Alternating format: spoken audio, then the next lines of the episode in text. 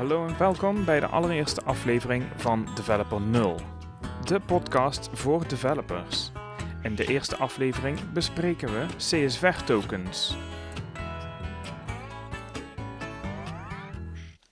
Ah, heerlijk, de eerste aflevering van mijn podcast. Welkom, Ehm, ik hoop dat je het interessant gaat vinden. We beginnen best wel op een diep niveau te kijken in wat er in de webwereld ehm, speelt.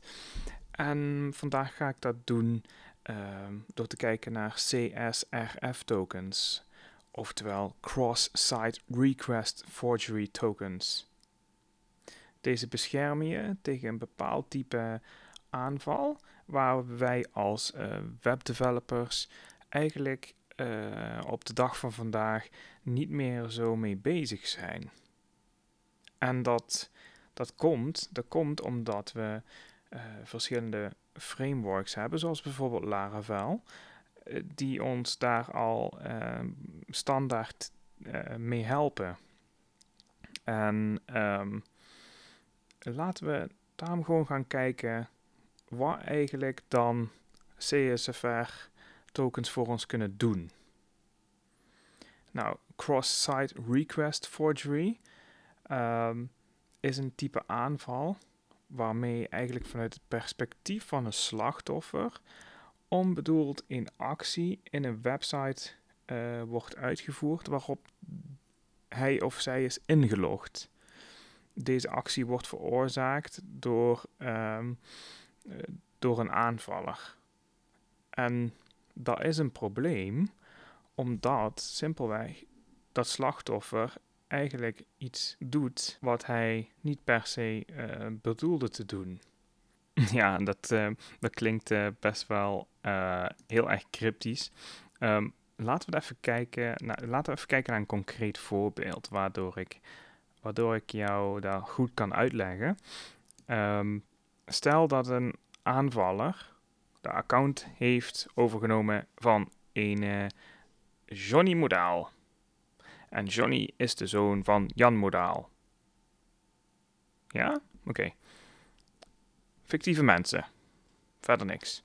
De account van Johnny, hè, die is dan uh, van een social media website. De fictieve, awesome social media website example.org. En met die keigave social media website, daarmee stuurt Johnny Modaal vaker berichtjes naar zijn vader. En in een van die berichten vindt de aanvaller een bericht waarin Johnny aangeeft dat Johnny pech heeft met zijn vlucht naar huis. Zijn vlucht moest namelijk overgeboekt worden en um, hij, um, hij kan wellicht wel naar huis komen als hij um, wat centjes kan lenen van een kameraad. Als een aanvaller dat ziet, dan zou je bijvoorbeeld een berichtje naar de vader uh, van Johnny kunnen sturen. Met daarin een verzoek of hij wat geld kan overmaken naar toevallig, hè, toevallig, wink wink, de nieuwe rekening van uh, Johnny. Aangezien die vriend toch, wink wink, niet over genoeg geld beschikt. Nou, de vader die zal wellicht niet heel erg argwanend zijn op het feit dat, uh, uh, dat hij dit verzoek krijgt van zijn zoon, aangezien ja, de vader zat dus eerder al in gesprek met Johnny. Um, en de vader zal daarom wellicht het geld aan um, Johnny overmaken, als hij dan al niet te argwanend is op, op het feit dat uh, Johnny zeg maar uh, zogenaamd een nieuwe rekening heeft. Wat dus eigenlijk de rekening van de aanvaller is. Hè, dat zou dan de enige domme move zijn van, uh, van de vader. Hè? Nou, um, nou, dat is bijvoorbeeld hoe zo'n aanval eruit zou zien. Maar ja, hoe, hoe werkt die nou eigenlijk? Hoe, hoe zit dat in elkaar? En nou, ik zal er eerst eventjes aan een concreet voorbeeld uh, uitleggen. Net zoals ik eigenlijk net deed. En dan gaan we daarna wel een beetje in op uh, hoe het technisch in elkaar zit en ja, hoe je dat tegen kan beschermen. daarvoor moet je eerst eventjes mee eh, in de volgende aanname. Dat, ehm, ja, eigenlijk is het wel een feit.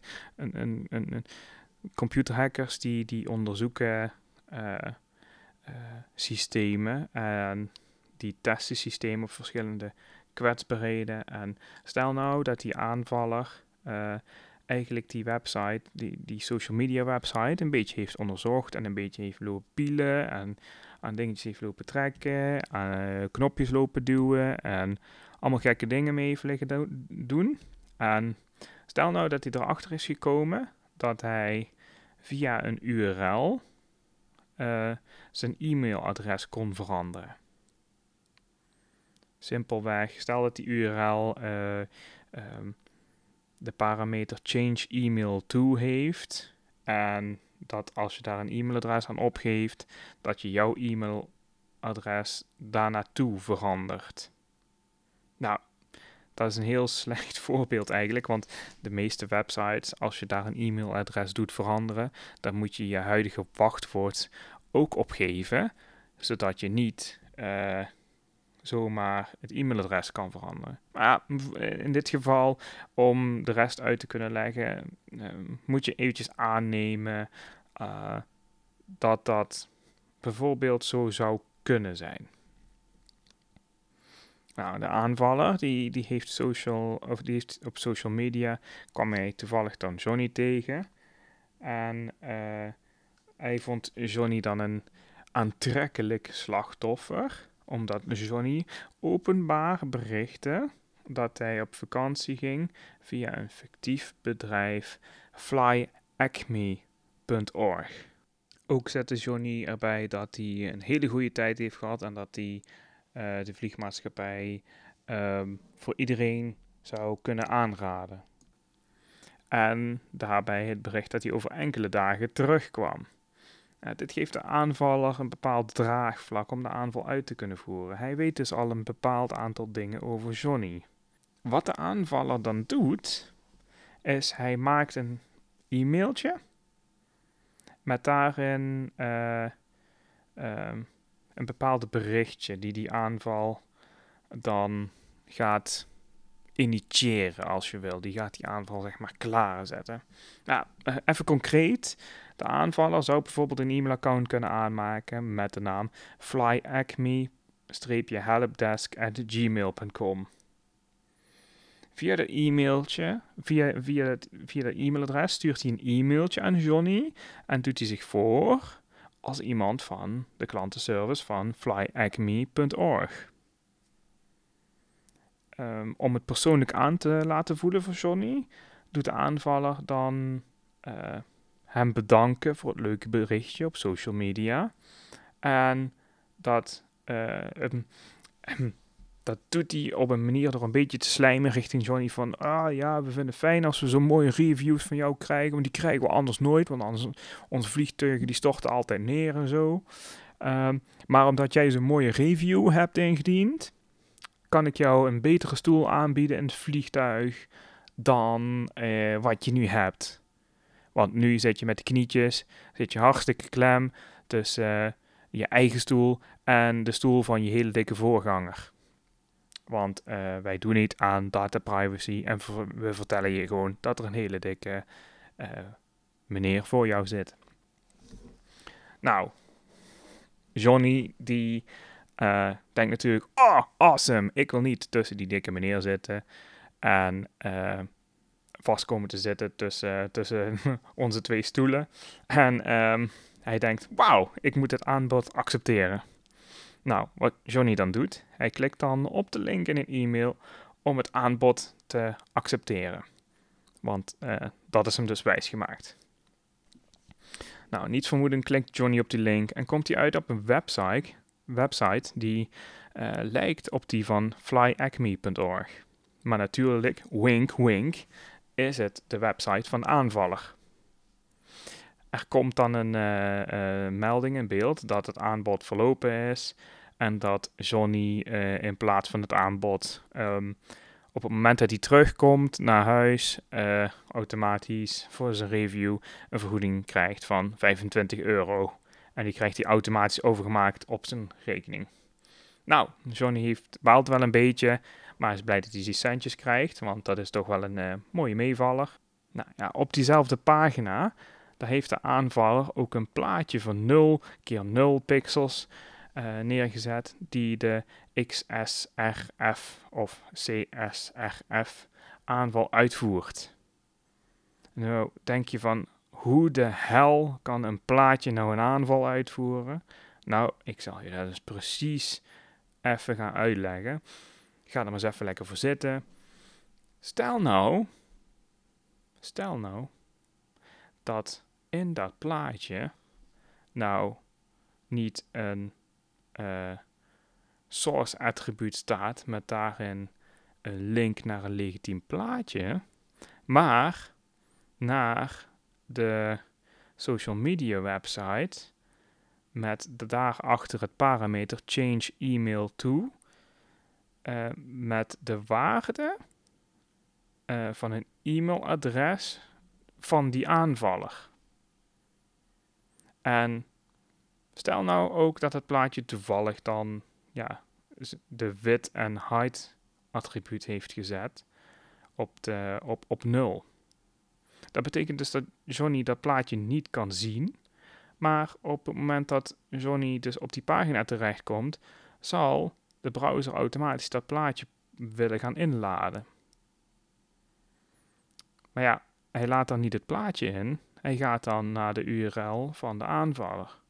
Dus die URL, die uh, het e-mailadres van Johnny gaat veranderen naar die van de aanvaller.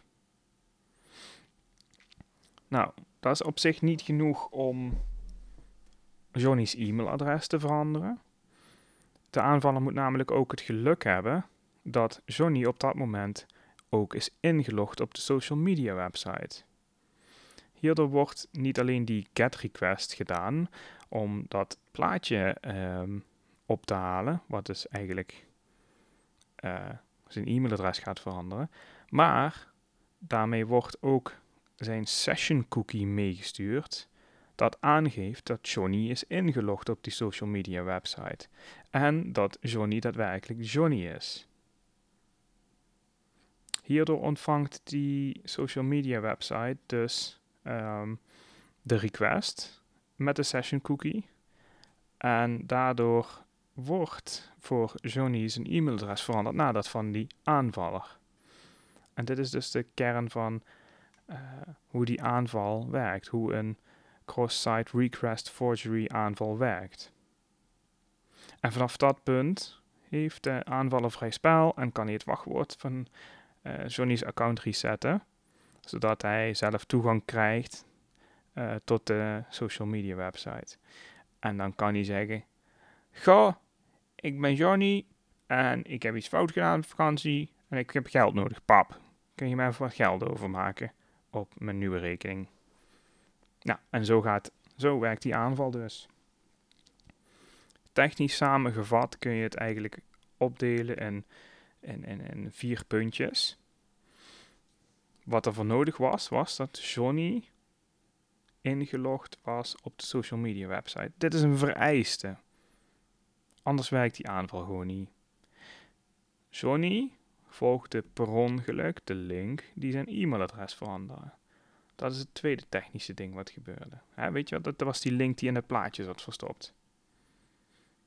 Nou, het derde ding wat er gebeurde is, hierdoor werd ook zijn cookie die hem identificeert en als ingelogd aanmerkt, automatisch meegestuurd naar die social media website. En het vierde dingetje wat er gebeurde is, doordat die eerdere dingen gebeurden, veranderde uh, zijn e-mailadres op die website naar die van de aanvaller. Nou, dat was zover dan die aanval. Uh, en nu gaan we kijken hoe we daar ons tegen kunnen beschermen. Als je erover na gaat denken,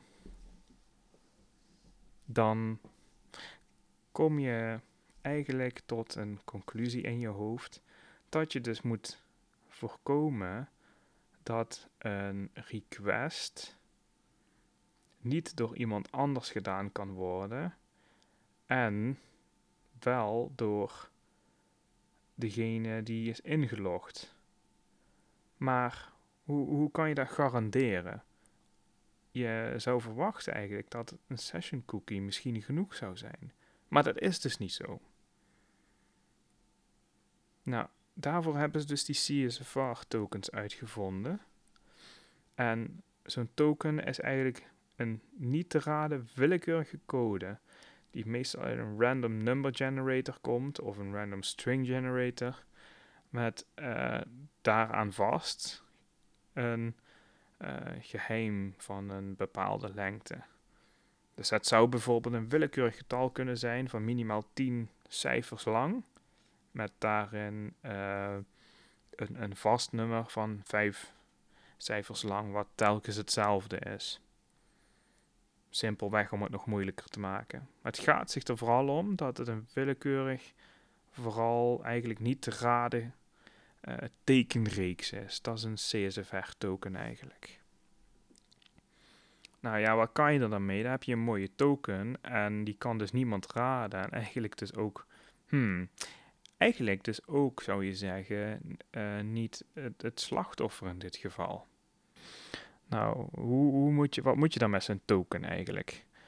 Um, nou, als die token gemaakt is, dan wordt die token die wordt in de session van de gebruiker gezet. Dus hiermee link je eigenlijk de, de gebruiker, die is ingelogd, uh, via de session aan de CSRF-token. De gebruiker krijgt dan daarna pas uh, een pagina te zien met uh, de formulieren die hij gebruikt op die website. Dus bijvoorbeeld het, het, chatformulier waarmee uh, Johnny met zijn vader kon, kon chatten. En in dat formulier wordt dan in een hidden input, zodat Johnny er geen last van heeft, daarin wordt dan de CSRF-token gezet.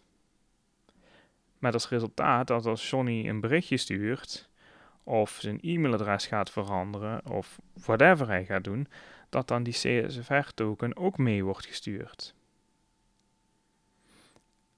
En als de um, server dan een verzoek krijgt dat Johnny zijn e-mailadres wil veranderen, dan kijkt de server naar de CSFR-token die in de session zit en vergelijkt die met de CSFR-token, CSRF-token die die in het formulier werd meegestuurd. En als deze overeenkomen, dan mag Johnny zijn e-mailadres, dan wordt eigenlijk Johnny zijn e-mailadres veranderd. Maar als die niet overeenkomen, dan zal de server dat niet doen. En daarmee is het probleem opgelost. Maar ja, nu zul je vast wel denken van, maar, een aanvaller kan toch eigenlijk ook gewoon op die pagina komen en uh, uh, ja, zo'n token uit zijn hidden input halen. En dat klopt, daar heb je hartstikke gelijk in. Maar toch kan hij daar niks mee. Denk maar eens eventjes na over wat ik zojuist heb gezegd. De token die de aanvaller namelijk krijgt, zit in de sessie van de aanvaller. Denk daar maar eens eventjes goed over na. Hij zit in de sessie van de aanvaller en dus niet in de sessie van het slachtoffer. Met andere woorden, als de aanvaller nog zo'n berichtje zou sturen naar Johnny, dan, heeft hij, dan kan hij dat CSRF-token in het zogenaamde plaatje stoppen, die dan het e-mailadres van Johnny zou veranderen. De server die krijgt dan die request binnen met de session cookie van het slachtoffer. Hierdoor wordt de session en dus de CSFR-token van het slachtoffer opgehaald.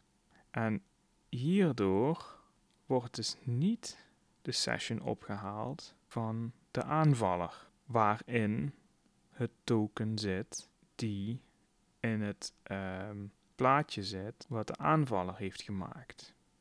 Ik herhaal het nog een keertje. De server krijgt, krijgt de request binnen met de session cookie van het slachtoffer. Hierdoor wordt de session opgehaald van het slachtoffer en niet de session van de aanvaller. Met andere woorden, de sessions komen niet overeen, dus de session tokens ook niet. En hierdoor wordt die request om het e-mailadres te veranderen gewoon niet toegelaten. De kracht zit hem hierin dat het voor de aanvaller vrijwel niet te voorspellen is wat de waarde van een CSFR-token, CSRF-token gaat zijn van het slachtoffer. Want die token die wordt bij elke keer dat slachtoffer of aanvaller uh, op die pagina terechtkomt, wordt iedere keer een nieuw token gemaakt en in de session gezet. Maar dat kan je niet voorspellen.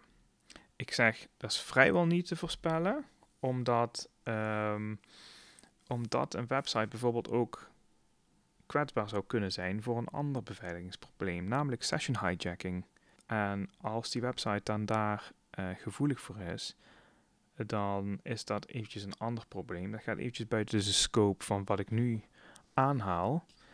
Uh, want dat heeft zelf ook nog een session hijacking heeft uh, nog een andere oplossing die ik hier gewoon eventjes niet kan aanhalen. We focussen eventjes op de CSRF tokens.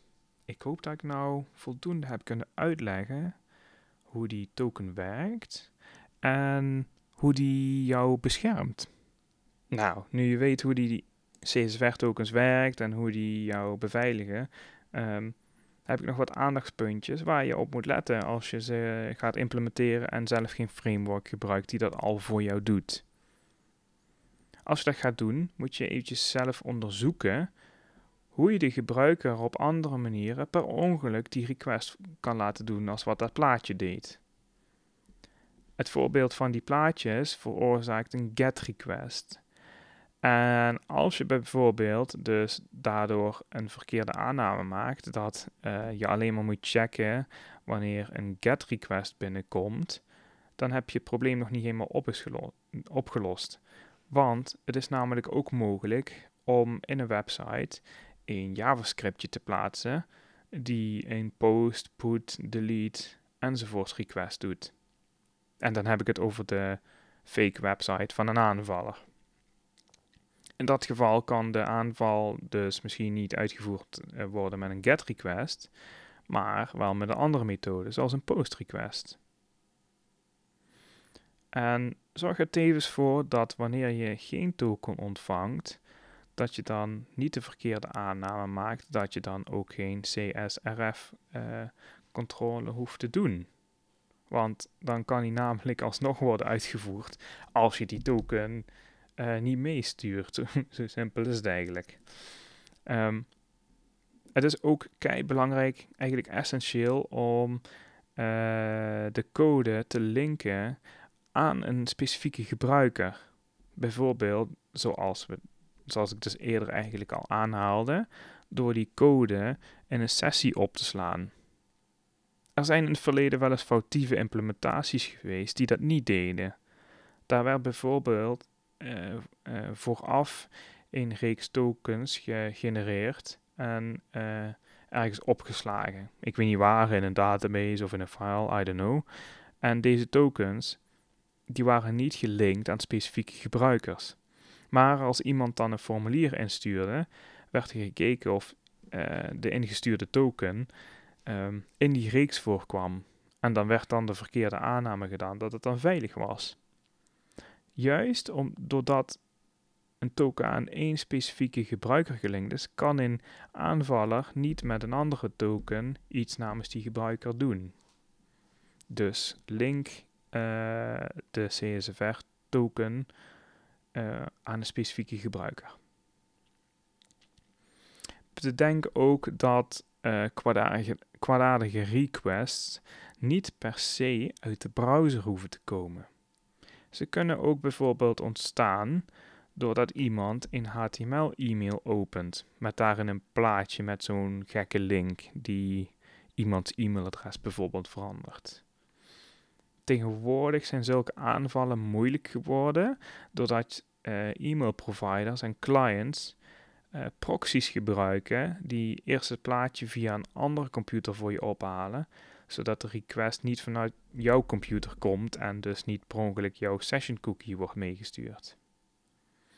En kijk ook eens naar uh, de gerelateerde beveiligingsuitdagingen, zoals uh, XSS uh, en de verkeerde gespelde referrer header cross-domain policies en eigenlijk alles wat, wat je op Google kan vinden, wat uh, bij deze zoektermen eigenlijk uh, naar boven kan komen.